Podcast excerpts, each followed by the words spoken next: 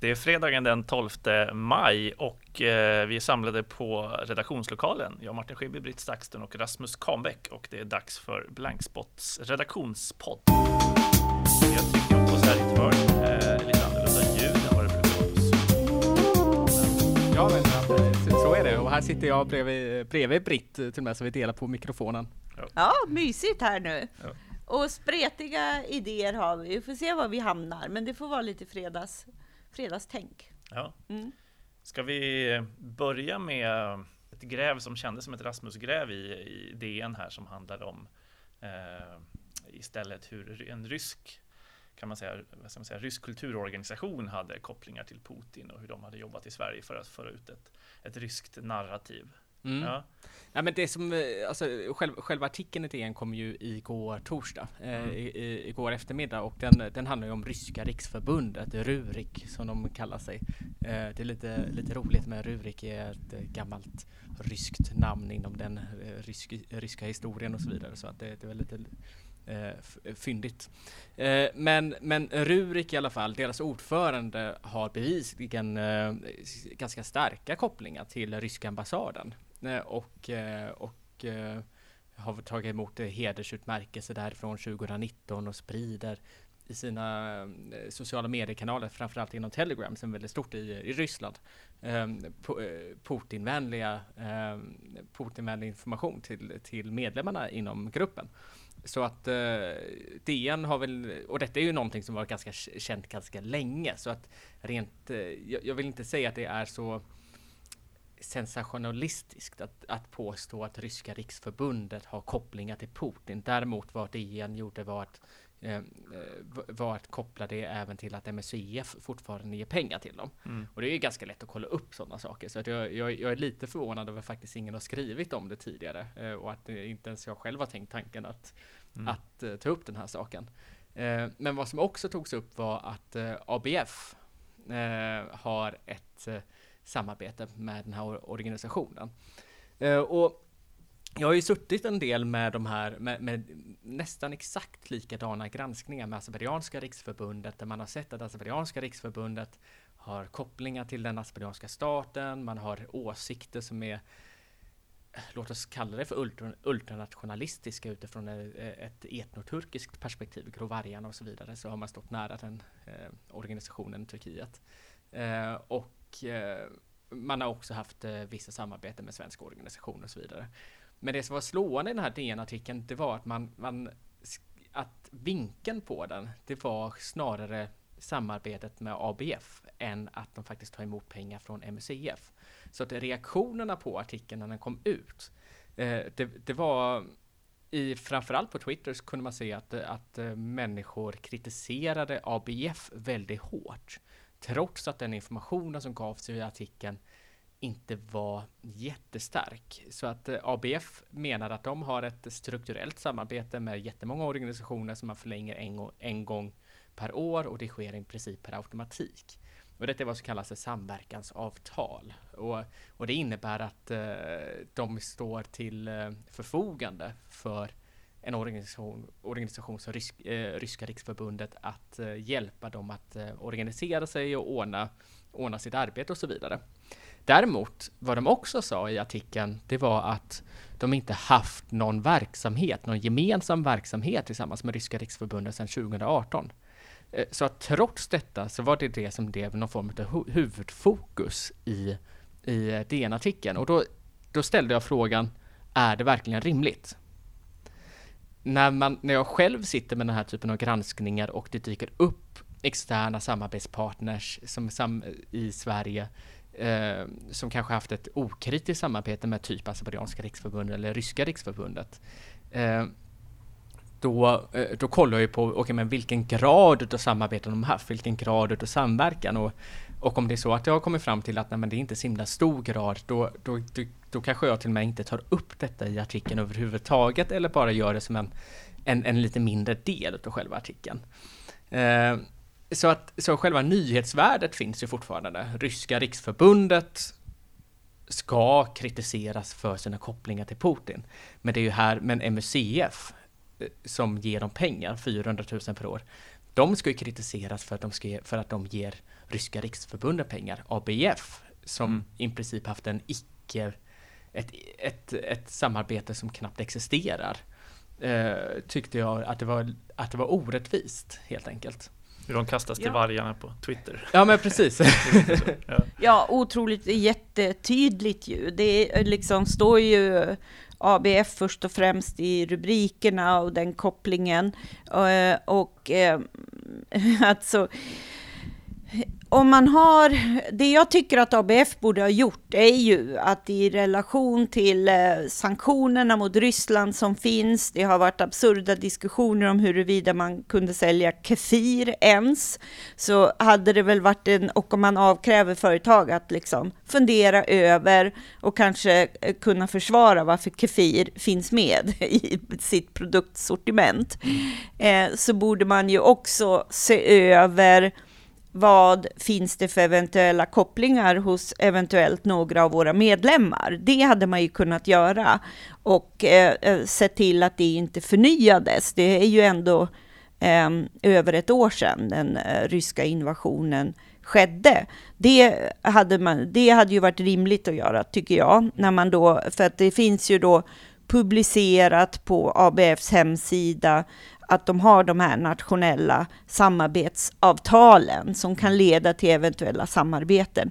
Men när det de facto inte har skett något sedan 2018 eh, så är det ju, det är ju det säger ju hur det står till med folkbildningen just nu och vad som pågår eh, eh, gentemot eh, kritiken mot eh, eh, folkbildningen just nu och vad, stu, vad alla eh, studieförbunden och eh, folkbildningsaktörerna har eh, framför sig. Eh, så det är eh, intressant att notera, verkligen. Mm. Ja men absolut, jag håller, och, och jag kan ju hålla med dig om eh, att ABF borde ha agerat på detta tidigare givetvis och så vidare. Så att, det, det, så att ABF ska inte stå, stå fria eh, på, på, något vis. Men, eh, men eh, själva, själva fokuset i artikeln eh, eh, blev, blev felaktigt. Och jag, tycker, och jag tycker också ställa en ganska intressant journalistisk fråga. Alltså när man, när man gör granskningar vilket ansvar har journalisten och redaktionerna att, att ta ställning till pariteten i granskningarna? Alltså är, är på vilket sätt är man sparkar uppåt och neråt och så vidare och, eh, och, det, och men jag ändå sitter med mycket av de här, eller många, många granskningar som där, där människor kanske inte är helt medvetna om vad de, hur de agerar och så vidare så, så, eh, så behöver man också ha det i åtanke, vilk, vilken skada kan det, kan det åsamka i paritet mot brottet så att säga. Mm. Eh, och jag jag tänker det kunde vara intressant att höra lite hur du också resonerar kring, Nej, men kring all, sånt här. det finns lite av en så juridifiering av samtalet kring journalistik kan jag känna. Ja, man pratar mycket om publicitetsskada och respekt för integritet och den enskilde. Men alltså all granskning handlar om att ors- orsaka människor publicitetsskada. Mm. Alltså det är klart att en granskning av någon kommer vara negativt för den personen. Och det är ju, ligger i journalistikens liksom uppdrag att väga då, är det motiverat? Är det sant och relevant och har det stort allmänintresse? Ja, då kommer vi orsaka människor skada.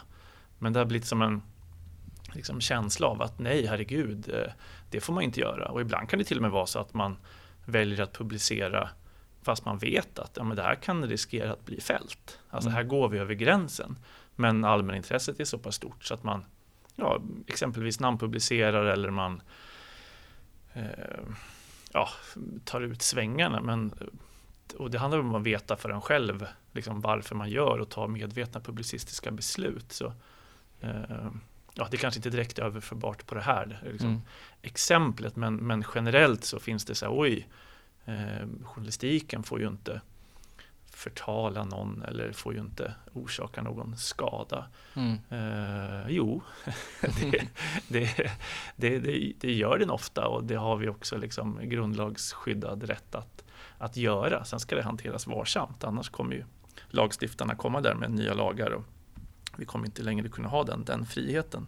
Men, men eh, eh, man kan inte börja i den änden om att ingen ska, ingen ska skadas eller orsakas publicitetsskada för att ja, då, då blir det inte mycket som kommer bli skrivet. Eh, Nej. sen ska det vara motiverat och man ska inte skjuta mygg med, med stora kanoner och så vidare. Mm.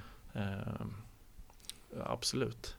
Men ABF Ja, eh, gick i alla fall i slutändan ut med, och, Mm. eh, med pressmeddelande ja. och, och bröt samarbete med ryska Mm, riks, mm. vilket, vilket eh, givetvis var det rimliga Mm, liksom, från, från ABF. Mm. Däremot MUCF, som är mycket mer intressanta frågan i just den här delen, har ju inte sagt särskilt mycket alls nej. egentligen. Nej Nej men och ur, ur ABFs perspektiv, om det de facto är så att man har inte haft någon som helst verksamhet sedan 2018 så tycker jag att det verkar ju jätteintressant. Vad, vad, eh, eh, ska vi gå och, och titta igenom alla ryska samarbeten som fanns 2018 Mm. eller någonting? Det, det är ju alltså det är direkt felaktigt. Ja, det är ett jättemisstag att ha med dem på den här listan, men när det de facto inte har skett ett samarbete, det är, ja, nej, det är eh, otroligt och ännu en påminnelse för vad som kommer hända framöver. Folkbildningen behöver ju verkligen eh, hitta eh, sätt att eh, försvara det man gör eh, och eh, eh, eh vid sidan av misstaget att inte ha tagit bort det här så behöver man ändå hitta sätt att förklara vad eh, folkbildningen betyder i en demokrati.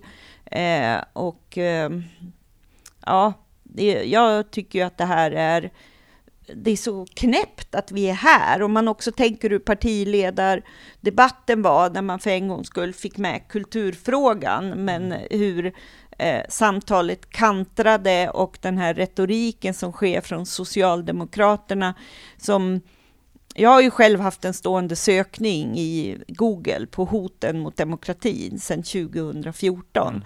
Jag tror att det där är gemene man så otroligt trött på. Hoten mot demokratin som det viftas med hela tiden. Och det är bara att gå i fällan. Och jag tror att det är väldigt i, relation till, mm, det skulle möjligtvis vara om man går full on mot Sverigedemokraterna, men att man driver en linje som att hela Sverige står inför ett förfall. eh, och att eh, det är liksom, det är ju regeringen med hjälp av det här stödpartiet, men jag tror att då skulle man i så fall mm, våga ge sig på det stödpartiet. Jag är inte säker på att partiledardebatten är det forumet heller, men i det dagliga arbetet på något sätt. Men det är Eh, jag tror att det är helt fel strategi och otroligt tröttsamt och någonting som eh, eh, ja, man har ropat och skrikit på så länge. Att det sen sker och att vi fortfarande har en tillbakagång för dem, liksom, demokratin i världen, i, i länder och regioner som vi kanske inte hade trott det. Eh, det behöver man jobba med på något annat sätt än att hitta ehm, eh, angreppsvinklar som kan flyga på Twitter. Mm. Så jag, för mig hänger det här, det är en gegga där allt hänger ihop. Mm. Eh, i, som koppling till det, jag tänker på en annan gräv som har, eller en, granskningen av granskningen av granskningen var väl det som diskuterades i, i veckan också i kölvattnet av senaste medierna var väl det som satte igång det. Men att Uppdrag granskning under lång tid har, har då tittat på en, eh, en svensk bokagentur och eh, ja, eventuellt eh, missförhållanden på den agenturen eller på olika sätt hur de har eh, agerat. Eh, och där har det bubblats om och pratats om länge eh, eftersom intervjuade har berättat om att de blivit intervjuade och det har någonstans blivit allmänt känt att den här granskningen pågår. Eh, och eh, i medierna så eh, lyfter man ju fram liksom konsekvenserna av att ha en sån här äh, pågående granskning under lång tid och vad det gör med den utpekade att någonstans inte, äh, som han själv upplevde då, kunna försvara sig eftersom ingenting är publicerat. Men nu drunknar ju den grundfrågan som medierna försökte lyfta i så att säga, detaljer kring granskningen, detaljer kring mediernas eget jäv eh, och eh, advokaternas eh, liksom, inlager och, eh, och annat. Och det ska vi säga så att det har ju stormat om den här agenturen eh, länge. Personen är ju bland annat dömd för eh, liksom misshandel av en liksom, före detta sambo. Det är en tid sedan, men det är också en, en tryckfrihetsrättegång som man har förlorat. Han stämde eh, en eh, liksom, ja, svensk bokhandel eh, för förtalsuppgifter då som han förlorade och fick betala rättegångskostnaderna för. Och jag minns Eh, liksom när det var också aktuellt att eh, de representerade 438 dagar under en period och då fick jag mycket frågor. Men hur kan liksom, eh, ni låta den agenturen företräda er och så vidare. Eh, så, att, så här har det ju varit i, i liksom 10-15 års tid att det har liksom pratats och, och snackats och, och, och annat.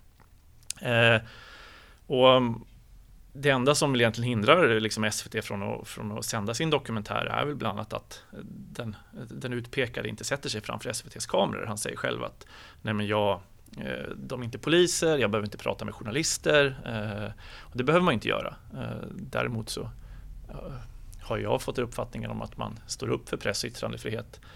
Och då måste man ju också själv liksom play the game och, och, och, sätta sig framför, framför kamerorna. Så det är ett ganska enkelt sätt att lösa det på.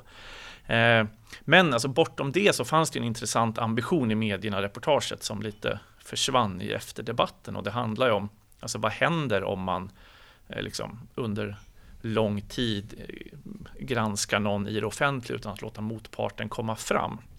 Och här tänkte jag på, alltså Blankspots första år så experimenterade vi mycket med den metoden. Eh, och filosofin var ju någonstans 3000 personer vet mer än tre och därför berättade reportrarna kontinuerligt om processen, om nya fynd i, Facebookgrupper eller i andra forum. Och för jag menar gestaltande reportage så var ju inte det här några konstigheter. Det var bara uppfattade som trovärdighetsbyggande och annat. Ja, och då ska man betona DNA. att utmaningen ja. i det låg ju att bland de här 3200 mm. hade du en mängd journalistkollegor, ja. men också mm. intresserade mm eh, företag, kanske inte de direkt granskande, åtminstone inte första skedet, men vi pratar om eh, så att vi bara Ja men precis, i de här Facebookgrupperna så kom det också vilka. in representanter ja. från företag och från länderna vi tittade på och berörda på olika sätt. Så att det fanns ju en det fanns ju en mängd dilemman i det här sättet att jobba så öppet på. Eh, men och ett av de första reportagen handlar bland annat om kopplingen mellan Securitas och ett säkerhetsbolag som skyddade en gruva i Peru där övergrepp skett mot demonstranter. Och reportern Emanuel Sudea berättade ju tidigt att det handlade om Securitas.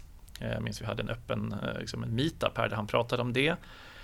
Och det gjorde ju också att han direkt fick ställa frågor till Securitas innan allt var klart, innan alla intervjuer var gjorda. Eh, för att vi bedömde det liksom omöjligt att under flera månader samla bevis mot ett företag utan att liksom låta dem kommentera. Och det gjorde de ju direkt, men sen liksom inte igen. De ställde inte upp några fler intervjuer. Eh, men det var inte helt negativt heller, för då hade de ju någonstans surrat sig vid masten och sagt saker där i början som vi sen på fältet kunde kontrollera riktigheten i. Eh, och jag minns en gång när jag lyssnat på Uppdrag gransknings Nils Hansson, som också pratat om det här att ja, men det är inte så fel att göra ansvarsintervjun på dag ett i princip. Eh, dels kan man ju då ganska snabbt komma fram till om det här kanske inte höll. Eh, de hade goda skäl till vad det nu kan vara, de man tittar på. Men också för att få en bild som man sen kan jämföra med verkligheten. Medan man i klassisk grävjournalistik gör det, är det sista man gör, liksom ansvarsintervjun och konfronterar. Men det kan ju komma en uppgift då som totalt omkullkastar ett års arbete. Alltså oj, det här hade vi inte tänkt på. Eh, så att det är inte helt fel att göra så heller. Eh, sen är det ju inte heller ett, alltså nu framstår det som, som helt unikt det Uppdrag granskning gör.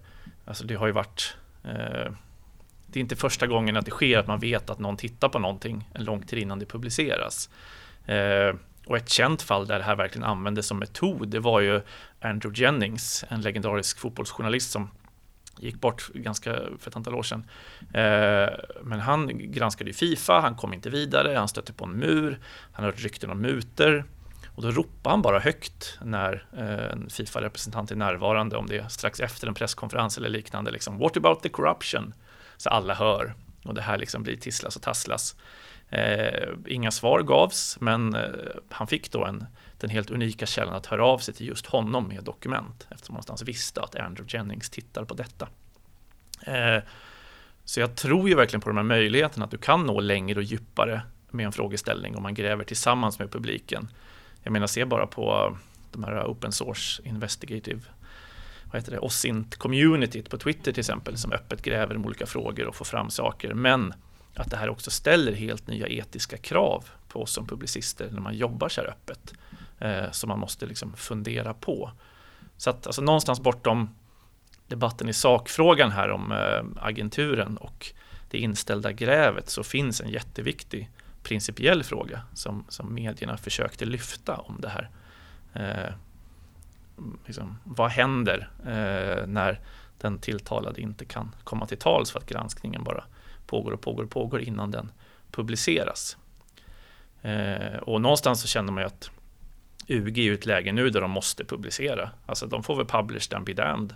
Eh, ja, höll det här, var det någonting eller, eller mm. inte? Det är liksom det enda sättet ut från det här för Uppdrag granskning känner man att eh, eh, det blir väldigt, det är en väldigt konstig situation som alla har satt, satt sig i som, som det har blivit. Ja, lite tankar. Vad tänker ni?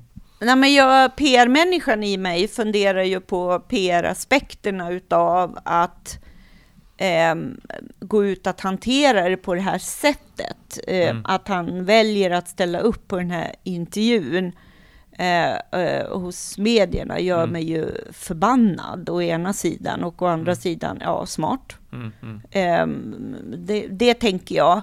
Och så känner jag att jag fattar inte riktigt allt. Är det så att UG nu inte har publicerat på grund utav eh, att, eh, eh, vad, är, vad, är, det förläggare, vad är det vi pratar om, vad, vad, vad har han för titel, han som är i fokus, sorry. Ja, agentur. Agenturen där, ha, mm. de har ju de har ju anlitat en advokatbyrå mm, mm. som har försökt stapla upp vad det är utav ja, att lägga här, Det är publicitetsskada och det är man kan göra sig skyldig till brott om man publicerar det här. Det kan vara, röra sig om förtal och det är det är väl gamla skåpmat, alltså det är sånt som jurister alltid säger och som varenda journalist vet om och varenda ansvarig utgivare kan också. Exakt. Det är de här avvägningarna man gör och man bedömer att det här är sant och relevant och eh, vi är Men att tror du mm. att, att det är därför de har stoppat nej, den? Nej, nej. Det finns inget nytt i vad jag har förstått i advokaterna säger. Det, mm, nej, eh, det tror jag inte. För ja. det verkar konstigt att de inte bara oj, kan vi orsaka publicitetsskada? Nej, det, det känns ju inte. Där spekuleras det väl i att det är olika vittnen som ska kallas till rättegångar men det går inte heller att kalla vem som helst till en, till en rättegång som inte är berörd. På det. Alltså, ja, det är vi vet, ja, vi då, vet inte allt. Nej, men då döljer ju UG någonting också som, ja. inte, som, som säger att de vill skydda de intervjuade. Ja, det kan väl säkert stämma att man inte vill Ja, men det borde ju ha gjorts tidigare. Det är ju liksom... Ja, nu tvingas de ju också diskutera någonting som inte är klart och det är väl det som gör det svårt för dem. Ja. Uh, så att det är klart de vill skydda sina, sina, sina källor, det är man också skyldig enligt lag att göra. Och det, det är väl någonting som man tar viktigare på, de skrivningarna, än vad man tar på att orsaka någon publicitetsskada. Att riskera källskyddet.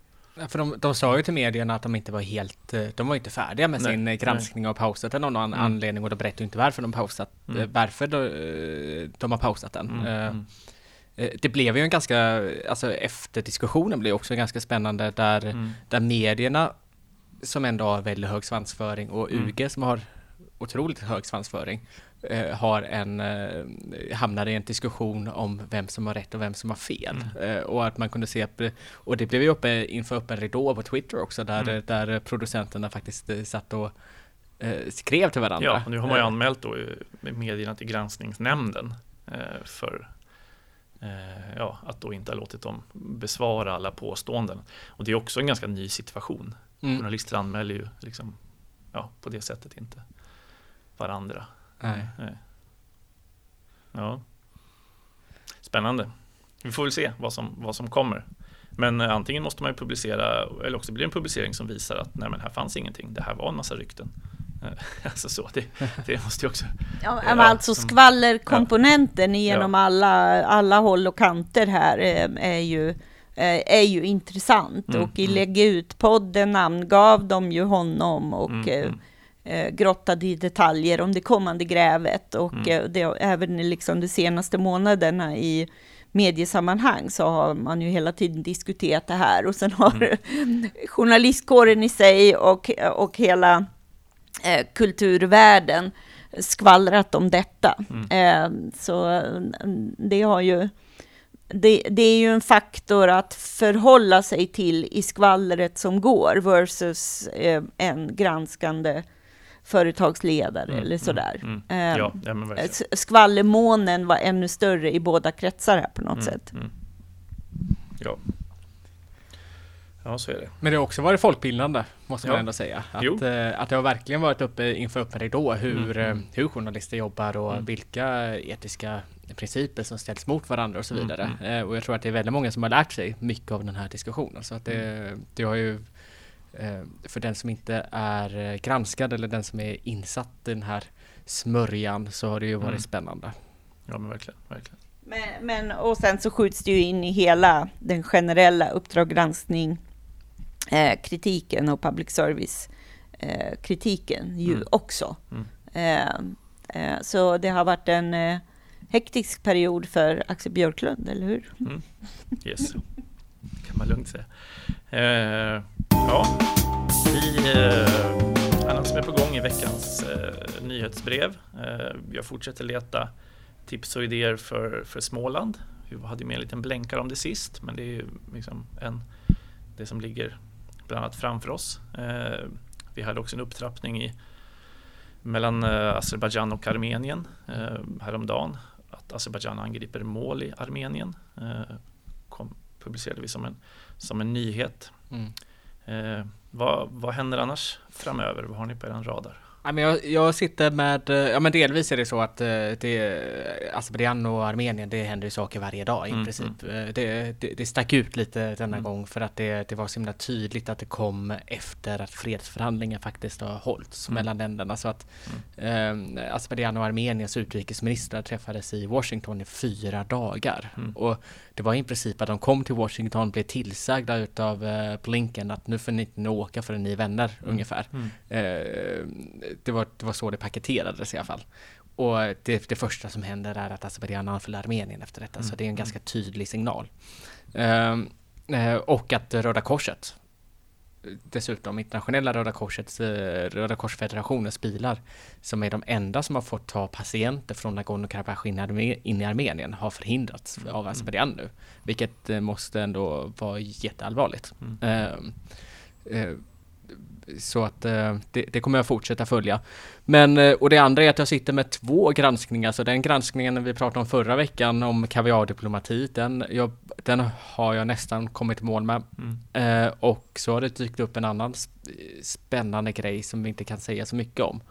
Eh, än så länge, men det kommer nog inom ett par dagar mm. eller nästa vecka. Spännande. Mm. Jag vet inte vad, jag spanar ju på, jag är trött på AI eh, och samtidigt inte. Eh, men just eh, håller ju på med en text om AI och demokrati, mm. helt enkelt. Jag fick en föreläsa om, eller förfrågan om att föreläsa om, om journalistik och AI. Ja, men... det ja, kändes oväntat. Ja, ska du göra det då? Jag tackade ja. Jag får, väl, jag får ha ju sommaren på mig att lära mig. Det var fram till hösten. Ja. så du får gärna skriva en text som jag kan ja. läsa. Ja. Ja. Jag kan beröra som, journalistiken också. Vad som, eh, vad som väntar. Ja. Som väntar skall. Ja. Men annars vet jag att den 20 maj så kommer det vara en demonstration eh, om stoppa chat control. Eh, apropå saker och ting som händer i häraden av övervakning och eh, digitalisering. Eh, och det är ju EU-kommissionens förslag om granskning av innehållet i elektroniska meddelanden som mm. går liksom längre. Eh, och vem kan inte tycka att det är jättebra när det handlar om att skydda barn från pedofiler? Men det är ju ett ganska ogenomtänkt förslag. Så jag tänker mig att om den demonstrationen är nästa lördag, att eh, skriva något om det. Mm. det. känns ju lägligt att göra, men också följa reaktionerna runt demonstrationen. Eh, och eh, lyssna in på vilka som de har fått på talarlistan. Mm. Mm. mm. Spännande. Och eh, så har vi också lite tankar om att börja podda mera intensivt, kan vi väl avslöja här. Ja. Att ni som har den här er podcast app eller på Spotify eller var ni nu lyssnar på Blankspot-podden eh, kommer se lite mer regelbundna uppdateringar av podden. Ja, ja.